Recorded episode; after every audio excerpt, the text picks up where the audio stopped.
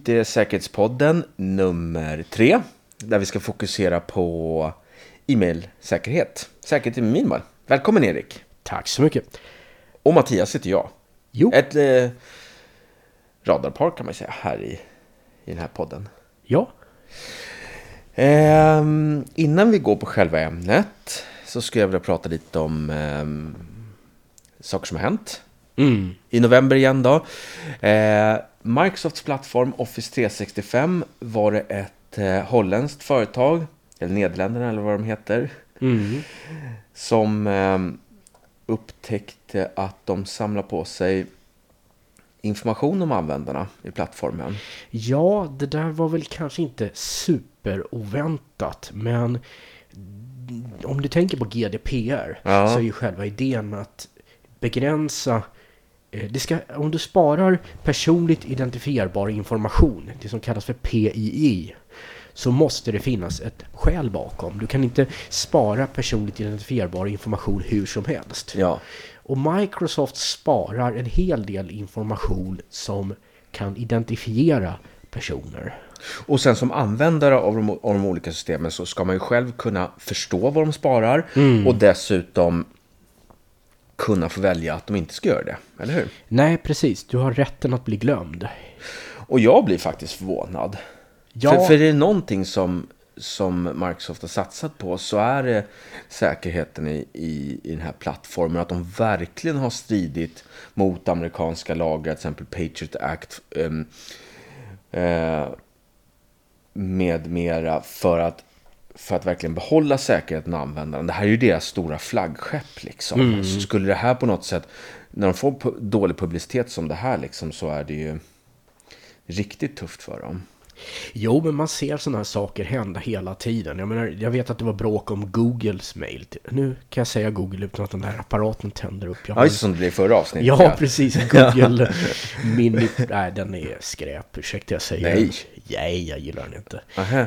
Jag kommer nog koppla ur den. Men i, i alla fall, eh, jo, när Google hade sin, sin mail och den var ny och populär så var det någon som kom på att jo, men de kollar faktiskt vad du skriver och riktar reklamen. Så om du skriver väldigt mycket om ett visst varumärke så är du mer sannolik att se reklam för det varumärket i reklamen som finns i, i själva mejlklienten. då. Och det här var ju väldigt kontroversiellt för ett antal år sedan, men numera ser det par for the course. Det är saker vi är vana vid, det är så det ser ut idag. De flesta företag gör så. Du har ju säkert sett när du går in på din favoritsociala mediasajt så får du reklam för det du sökte på. Ja, just där- det, en klassiker. Ja, precis. Det, det är saker och ting som funkar. Det är som jag säger tidigare, vi har inget privatliv längre. Det är, det är bara att konstatera. Så jag, jag, jag tycker inte det är rätt, det tycker jag inte. Men jag är inte jätteförvånad att Microsoft gör det här. Och nu har de ju slagit på en funktion som gör att du kan, eh, jag tror de kallar det för zero exhaust. Ja. Noll utsläpp. Utsläpp. De kallar det utsläpp. Dataläckage. Ja, okej. Ja. Eh, nog om det. det. Det är väl vad det är. Mm. Folk ska vara medvetna om det, om man använder plattformen. Jo. Eh, nu ska vi prata e-mailsäkerhet. Ja. Hur är det egentligen med e-mail? Är det, är det säkert protokoll? Det är ju, det är ju liksom... Eller säker teknik kan man väl säga. Alltså det, det har ju funnits hur länge som helst. Och, och eh, folk har ju mejlat fram och tillbaka till varandra. Eh, kan man lita på att det är den som man får mejl ifrån? Är den man är? Är den den är, ska jag säga. Ja, alltså som jag ser det så här, när e-post kom, SMTP-protokollet och allt det där, så fanns det ingen typ av säkerhet. Eh, många jämförde e-post med att det är som att skicka vykort. Det är lika säkert. Jag menar, om jag säger att jag är jesus.gud.com så det är en okej avsändaradress. Det är inga problem. Eh, Jag kan säga vad jag vill. Eh, Sen kom ju lite grann på 90-talet det här med Pretty Good Privacy och lite senare kom S-MIME och den typen av teknologier som gjorde att man kunde signera och kryptera sina e-postmeddelanden. Men det var inte så många som använde det. Så rent allmänt fram till relativt modern tid så har det inte funnits mycket av skydd för eh, att folk hittar på e-postadresser eller skickar skräp. Det, det är någonting som långsamt har kommit fram. Mm. Och de teknologier som vi pratar om när vi pratar om e-postsäkerhet idag, det är saker som SPF, DKIM och DMARC. Just det. Och i stora drag då, då betyder det egentligen att att det är just den här tekniken man är ute efter. Att man liksom så här, får man ett mejl från till exempel Skatteverket. Då, med de här tekniken då, ska man få reda, då, då, då, kan man vara säker på att, att det kommer just från Skatteverket. Ja, alltså om vi tittar på hur det funkade förut. Om du fick ett brev som kom från Skatteverket. Då var du tvungen att gå in i e-posthuvudet, det som kallas för the mail header. Mm. Och titta på allting där. Och då kunde du se avsändar maskinen, den system som hade skickat det. Och då kunde du kolla upp den IP-adressen, alltså adressen man skickar från och kontrollera, är det här Skatteverkets maskiner? Just det, och det kanske en nitisk eh, säkerhetsspecialist eh, gör, men vanliga personer Nej. Det gör man ju inte. Nej, så att säkerheten i en e-post är problematisk. Och en sak vi ser mer och mer just nu, det är det man på engelska, för de flesta säkerhetstermer är engelska, det får vi tyvärr leva med. Den kallas för spear phishing. Just det. Och principen är, phishing vet ju alla vad det är i princip. Det handlar om... Inte säkert. Nej. Alltså, ta, ta det från... Ja, Alltså phishing handlar rätt mycket om att lura någon att gå till exempel till en länk och säga så här, ja vi kommer från Nordea eller vilken bank som helst och säger att ja, dina uppgifter måste verifieras. Och sen mm. så lurar du personen att gå till en sajt och skriva in,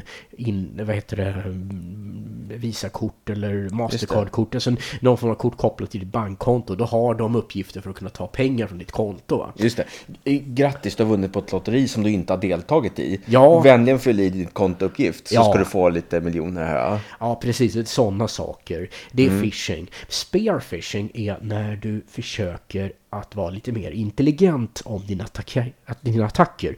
Istället för att bara skicka ut till vem som helst så försöker du förfalska avsändaren. Till exempel, det kommer ett brev från vdn i samma företag som du jobbar. Och som säger att vi behöver din hjälp att hjälpa till med en ekonomisk transaktion eller klicka på den här länken eller någonting. Mm. Och i och med att e-post, åtminstone historiskt sett, har varit helt oskyddat så kan du ju av, ange vdns avsändaradress eh, i mejlet. Och då ser det ut som det kommer från vdn, trots att det egentligen inte gör det. Det känns ju som helt galet 2018 att det fortfarande funkar. Men säg att du har ett företag som har mejlen erik.se till mm. exempel. Och då betyder det då, om ni, om ni är ett antal hundra anställda då, att att vdn då i det här fallet då skulle vara någon elakartad hacker då som bara uppger sig för att vara vdn att erik.se och kunna mejla ut till sin ekonomiavdelning. Är det verkligen möjligt? Ja då, det funkar alldeles utmärkt. Tyvärr, tyvärr gör det för e-post är vykort. Ja. Och det är det vi börjar prata om. Vad finns det för metoder bakom det här? Mm. Som, som, kan skydda mot det. Och det har ju som sagt förut varit kryptering. Men de flesta krypterar inte. PGP, SMIME och allt det där. Det används av en del nitiska användare. Företag som har krav på säkerhet och sånt. Men de flesta skickar utan kryptering. Ja, och det talar väl lite emot sin natur med post på något sätt med kryptering. För då måste ju väl mottagaren och avsändaren har samma nycklar. Typ. Att, då betyder det bara att man kan mejla till den, till den organisationen eller den mejldomänen på något sätt. Jo, nu är ju PGP och liknande väldigt smidigt på det sättet att du har kedjor där du kan kontrollera folks nycklar och sånt. Så det funkar ju, men det är fortfarande, det kräver en kunskap hos användaren om att hantera verktyget. Och jag tror att är du inte väldigt, om du inte skickar väldigt känslig information så de flesta bryr sig inte om de här teknikerna. Nej. Det, det, det vad som behövs är någon form av skydd som fungerar naturligt. Någonting som du självklart använder utan att behöva tänka på det, utan att behöva eh, installera någon speciell programvara. Det ska bara funka. Ja. Och ändå så är det så, alltså det känns så naturligt på något sätt att man har det skyddet, men ändå så är det så otroligt få som har det. Jag, jag såg, jag såg någonstans att eh, 9% av Fortune 500-företagen eh, har eh, stark autentisering eh, påslaget på sin e-mail. Alltså de mest största företagen då skulle man ju lätt kunna mm. impersonera. Ja, det är ju det som är problemet. Och som sagt, historiskt har e-postsystemet inte erbjudit någon mekanism för det här.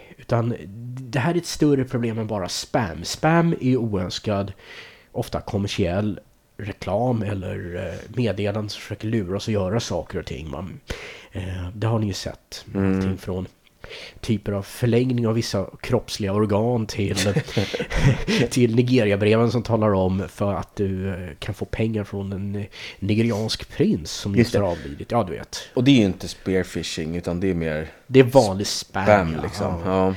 Så vad har vi för mekanismer mot det här? Och, Om vi börjar med SPF och D-Kim som är på något sätt grunden för att bygga D-mark. Som D-mark som är själva regelverket kan man säga. Som säger det här är okej, det här är inte okej och vad ska vi göra med det som inte är okej? Vi slänger i, i, i, i junklådan eller i karantän och så vidare.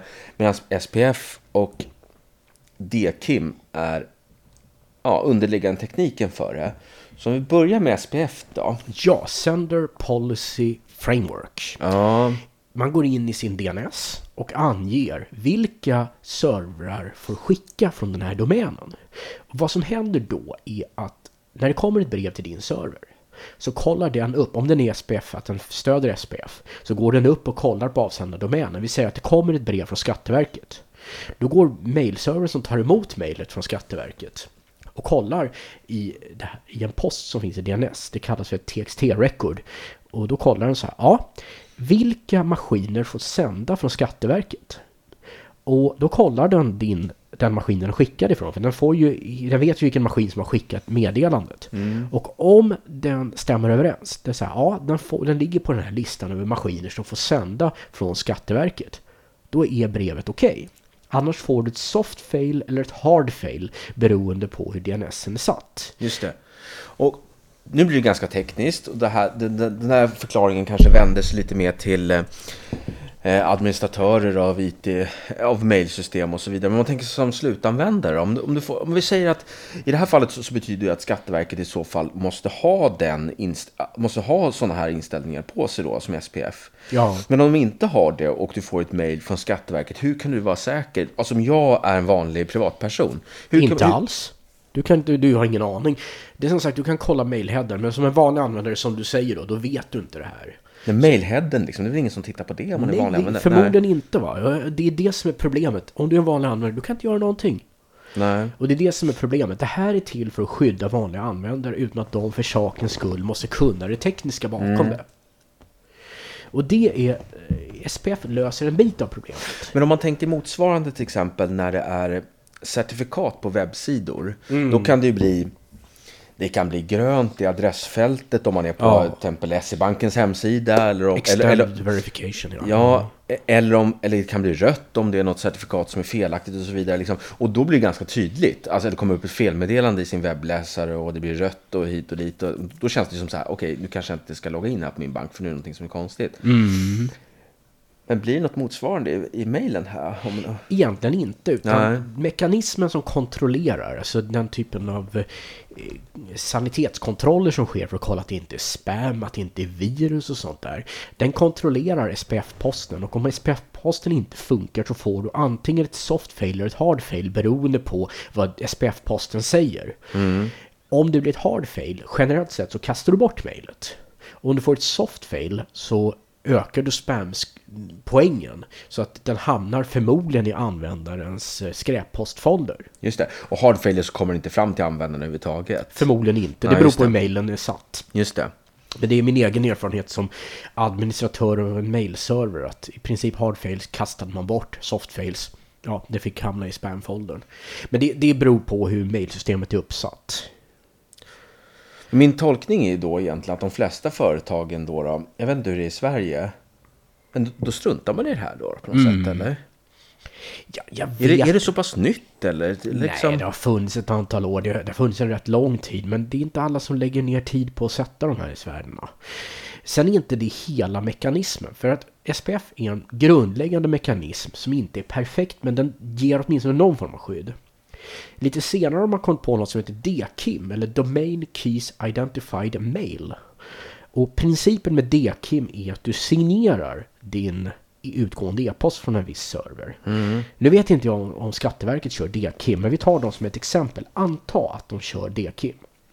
Då kommer de att lägga till en signatur eh, på sin e utgående e-post. Mottagande server kommer att kontrollera om den publika nyckeln som används för att signeringen finns i DNSen. Då kollar den, finns den? Är den samma som har använts för att signera mejlet? Då så, då är allt okej. Då är mejlet eh, okej. Ja, just det.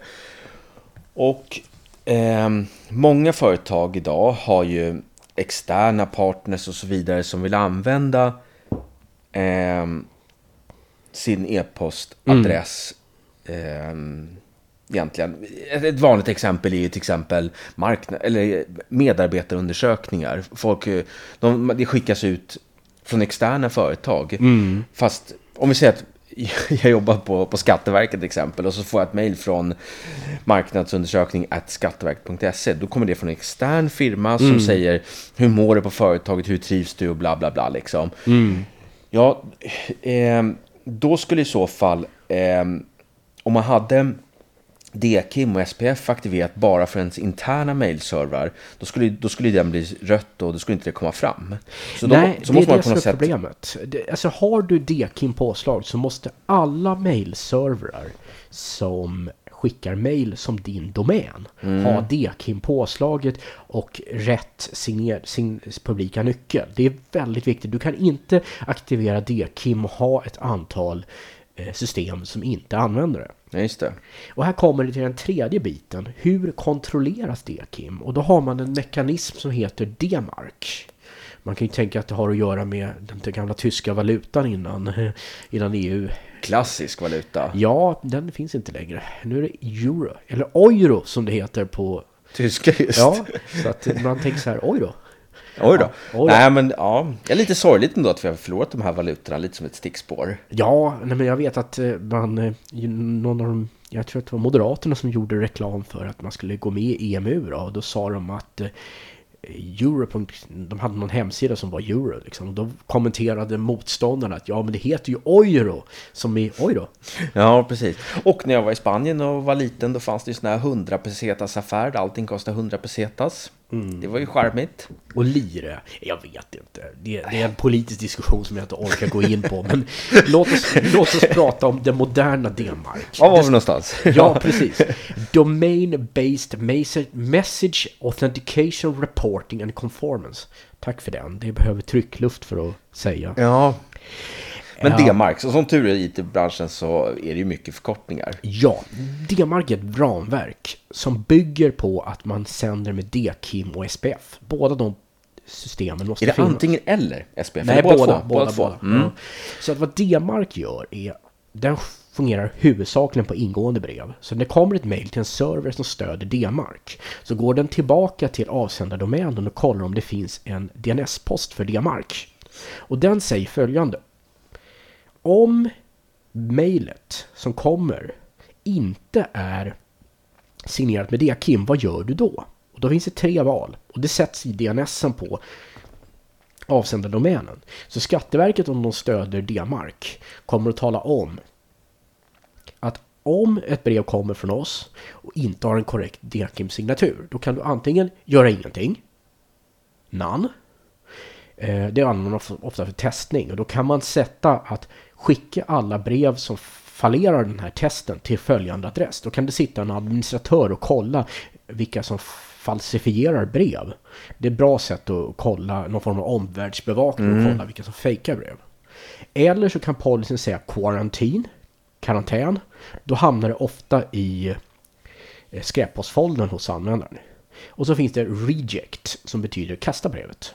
Om brevet är felaktigt, kommer från någon som inte har signerat, kasta brevet. Men i och med att det är så få företag som har signerat och som man väljer en sån hård policy, då finns det ju risk att man missar att man missar eh, kundkontakter, affärer, eh, Det är hårt kommunikation och så vidare. Alltså på, på något sätt så blir ju säkerheten en, en riktig stoppkloss. Jo, det är ju det som är grejen. Till exempel Microsoft Office. Eller Microsoft Office 365. De bryr sig inte om reject-flaggan. Om du sätter reject så kommer de fortfarande karantänskicka den. Den kommer inte att raderas. Och Microsoft menar på att det är för stor risk, precis som du säger, att, det blir, eh, att det blir fel. Ja, det blir lite så här moment 22 liksom. Till dess att alla har aktiverat de här policyerna. Mm. Så, så, så, så, så nästan skulle det kunna bli, om, om, om, riktigt, om seriösa företag aktiverar på det här viset, så skulle man komma till en spamfri nivå. Ett en- slags nirvana inom mejlväxlingen. Nej, jag tror inte man får bort spam den vägen. Nej. Du får bort eh, fejkade avsändaradresser, vilket är en stor förbättring. Jag, Ja. jag tycker D-mark är en teknologi tillsammans med DQ och SPF som absolut ska införas överallt. Jag är stor vän av det. Men det tar inte bort spam. Det finns andra sätt att skicka spam på. Så spam blir vi inte av med. Men vi blir av med att vdn skickar ut mail. Alltså det är inte vdn som gör det, men det står Ja. vdn som avsändare. Vi blir av med det problemet. Mm. Och du kan lita på att om du har en D-mark-system som stöds i din mail och Skatteverket säger vi då har D-KIM och hela biten och ett D-mark-post. Då vet du att när Skatteverket skickar mail till dig, då är det Skatteverket. Just det, Och det är det du vill ha. precis. Ja, och sen om vi tänker på lite filosofisk fråga. Är e-mail konversationer på väg att dö ut lite? Jag, jag tänker på att många myndigheter och såna använder ju andra kommunikationskanaler numera. Man använder ju den här äh, Kvira till exempel. För Kivra menar du? Kivra, så heter den ja. Kivra, för, för myndighetsbrev. Ja. Eh, Men det är ju vanlig post som dör ut. Kommunikation. E-post. Ja, men kommu- kommunikation inom företag byts ut mot chatt. Det finns Mm. Slack, det finns Teams och det finns allt möjligt. Ja. Ehm, den traditionella e-posten håller på att dö ut kanske. Nej, det tror jag inte. Jag Nej. tycker jag kan inte se någon sån trend. Det är som PCn, om vi tar ett exempel. Den har Mm. dödförklarats så många gånger att det är väldigt tråkigt att höra någon säga ja, PCn är död. Imorgon kommer vi bara köra det eller det. Nej, det, den lever. Den... Halleluja, den återuppstod. Ja, precis. Jesus lever. Ja. Ja. Nej, men, nej, men i, i princip så är det väl så att nej, e-posten är inte på väg att dö ut. Nej. Däremot har den fått många alternativ. Och jag Mm. menar, jag pratar med en gammal brevvän från, på Facebook. Vi har en del chattar och sånt där, det är jättekul. Men det betyder inte att jag slutar ta emot e-post. Jag menar, e-post är ett... Jag tror för... Brevvän. Ja. Det, det har dött ut på något sätt. Det har dött ut, men numera så är det social... eh, Hur, hur liksom, var det via kamratposten som bara hej, jag är Erik, jag är på 12 vårar. Nej, vi möttes faktiskt. eh, Våra fa- respektive familjer var, nu var jag ganska ung, jag var kanske 12-årsåldern och sånt där. Så åkte Kamratposten. Till, ja, när vi åkte tid, till liksom. Ibiza där. Ja. Och då mötte vi en, en engelsk familj där och liksom vi överhuvudtaget fungerade bra, det var kul och då kom jag i kontakt med eh, en grabb i min egen ålder då. Nu är vi ju båda i 40-årsåldern då. Så att, Ja. nu, han skickade mail till mig, eller förlåt, post alltså, vanliga postbrev. Just det. Och jag skickade tillbaka, vi höll kontakten ett antal år. Sen hittade han mig på Facebook och sa tjena. Och då, ja, vi har inte pratat så på år och dag. Och konstaterade att det, det var liksom, ja det var kul att återuppta kontakten liksom. Mm. Så att, ja men det där är, det där är roligt. Ja, precis. Som ett litet stickspår då kanske till. Eh, jag tänkte på en annan sak som är ganska närbesläktad när det handlar om säkerhet med Mm. e-posthantering. Så är det eh, spoofing. Ja, Spoofing. lite grann. D-mark löser spoofing-problemet. Ja, Med, när, när det finns D-mark aktiverat på domänerna, då, då löser spoofing-problematiken. Det är- vad är spoofing om vi kan backa bandet så då för de som Alltså inte... spoofing handlar om att uppge en identitet som är inkorrekt. Jag säger att jag är Stefan Löfven, vilket jag inte är. Nej. Det är spoofing. Om jag påstår att jag är Stefan Löfven och du ska rösta på mig, då gör jag en spoofing mot dig. Det är helt enkelt en falsk identitet. Och om jag anger att jag är en viss person på e-post genom att förfalska avsändaren, då gör jag en spoofing-attack. Ja, Och det är det den försöker skydda mot. Jag menar, jag kan utge mig för att vara ditt företags VD och säga att du måste skicka pengar till mig. mm. Det är ju det vi försöker att hindra va.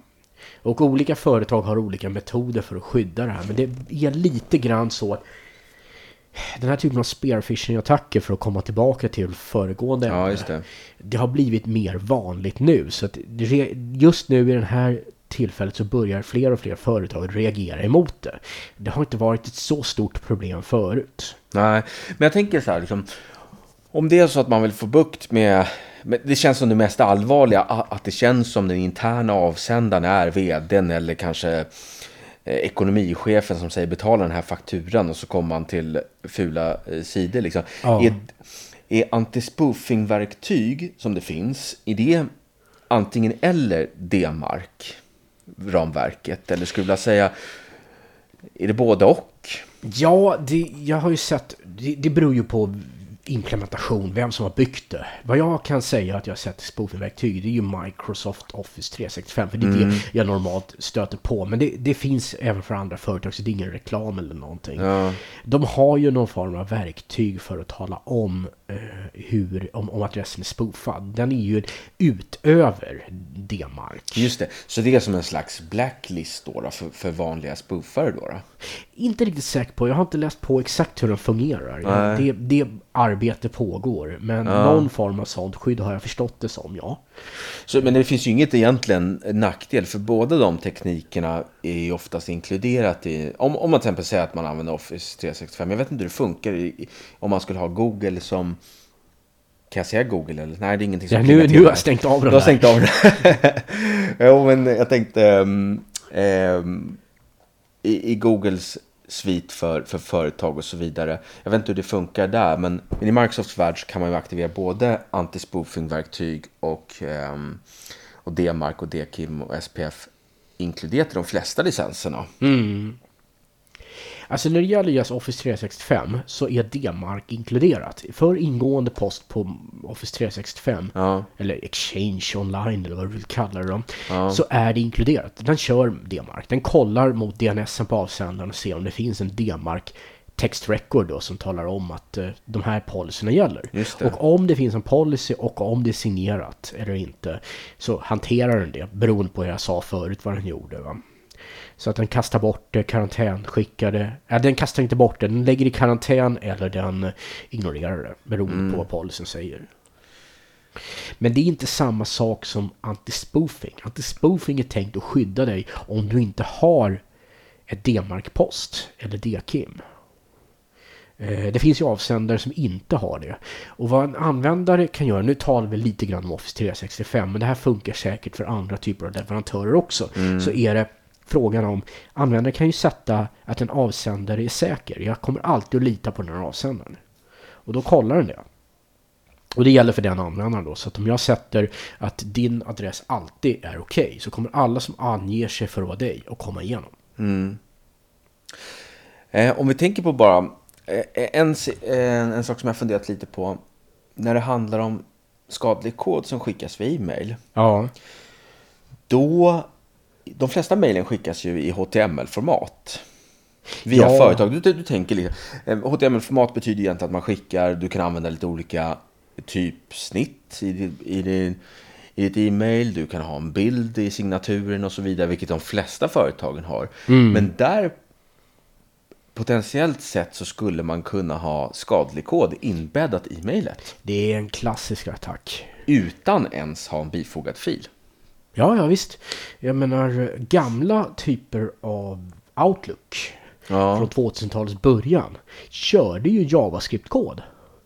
Eller andra Ja. typer av ActiveX-kontroller och grejer lite grann beroende på hur säkerhetsinställningarna var. Men i princip många, jag menar, du kunde bifoga saker också. Jag menar, I Love You-viruset är ju en klassisk VB-skript som kunde köras. Just Så det. det. fanns, det fanns attacker som kunde attackera just Outlook om du bara tittade i det här preview-fönstret. Jag vet inte vad det heter, men alltså typ för, för kontroll där.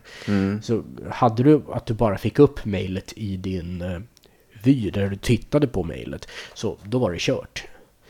Nu har Microsoft säkrat det här och många andra företag och deras lösningar som Google Mail och sånt där har ju skydd mot det. Så det är lite överspelat, men det är okej. fortfarande, det, det, det är fortfarande, det är potentiell risk. Så man, så man som företag ska då inte vara så nitisk att man, att man går över till plain text eh, mail Nej, jag tror inte det. Nej. Dessutom, det är lite svårt att göra om du tänker på alla reklambrev du får. Mm. Det är ju en del saker. Du, Just det. du prenumererar på din favoritbutiks reklam. Kommer i HTML, det gör det. Ja, Så det är inte HTML-koden i sig utan vad du inbäddar i den. HTML tillåter ju en del script och embed-taggar som inbäddar saker och ting. Och här måste du lita lite grann på din e-postklient. Är du riktigt paranoid så kanske du kör Linux med något gammalt program av typ av Pine eller Elm eller något sånt där som bara visar den i text. Men det beror lite grann på din nivå på det hela. Men jag tror att många av de här attackerna med inbäddad kod är mindre sannolika nu för man har gjort så mycket att man har försökt säkra mot det. Och eh, de här magic pixels där där man försöker identifiera vem som har läst e-posten och grejerna. Allt det där är ganska överspelat idag. ja. Så att om du tänker dig eh, som lite avslutningsvis då. Om jag skulle vara mm, eh, ansvarig e-mailadministratör eller vad man ska säga på mitt företag. Då är det att, att titta in sig på D-mark-regelverket. Vad man kan göra för sitt företag. Man ska titta på SPF och DKIM för att aktivera det. Och gärna anti-spoofing också. Om din leverantör stöder naturligtvis. Och Ja. D-mark för att kunna Ja. kontrollera ingående post. Och man ska nog inte vara så nitisk så att man tvingar hela företaget att gå över till plain text. För det är liksom, på, på något sätt så, så tycker jag också liksom att säkerhet får man alltid väga mot användarvänlighet. Och många företag vill ju kanske använda sin logga när man skickar ut och lite länkar till, em, till, sin, till sina olika sociala medier och så vidare. Man ska inte vara den... eh, Det, man får ha en balansgång där kanske. Det finns ju den här klassiska use-modellen. Den har du ju hört om. Man har en triangel med i varje ja, hörn då så har du usability, economy och security. Och du får välja två av dem. Den tredje måste du offra.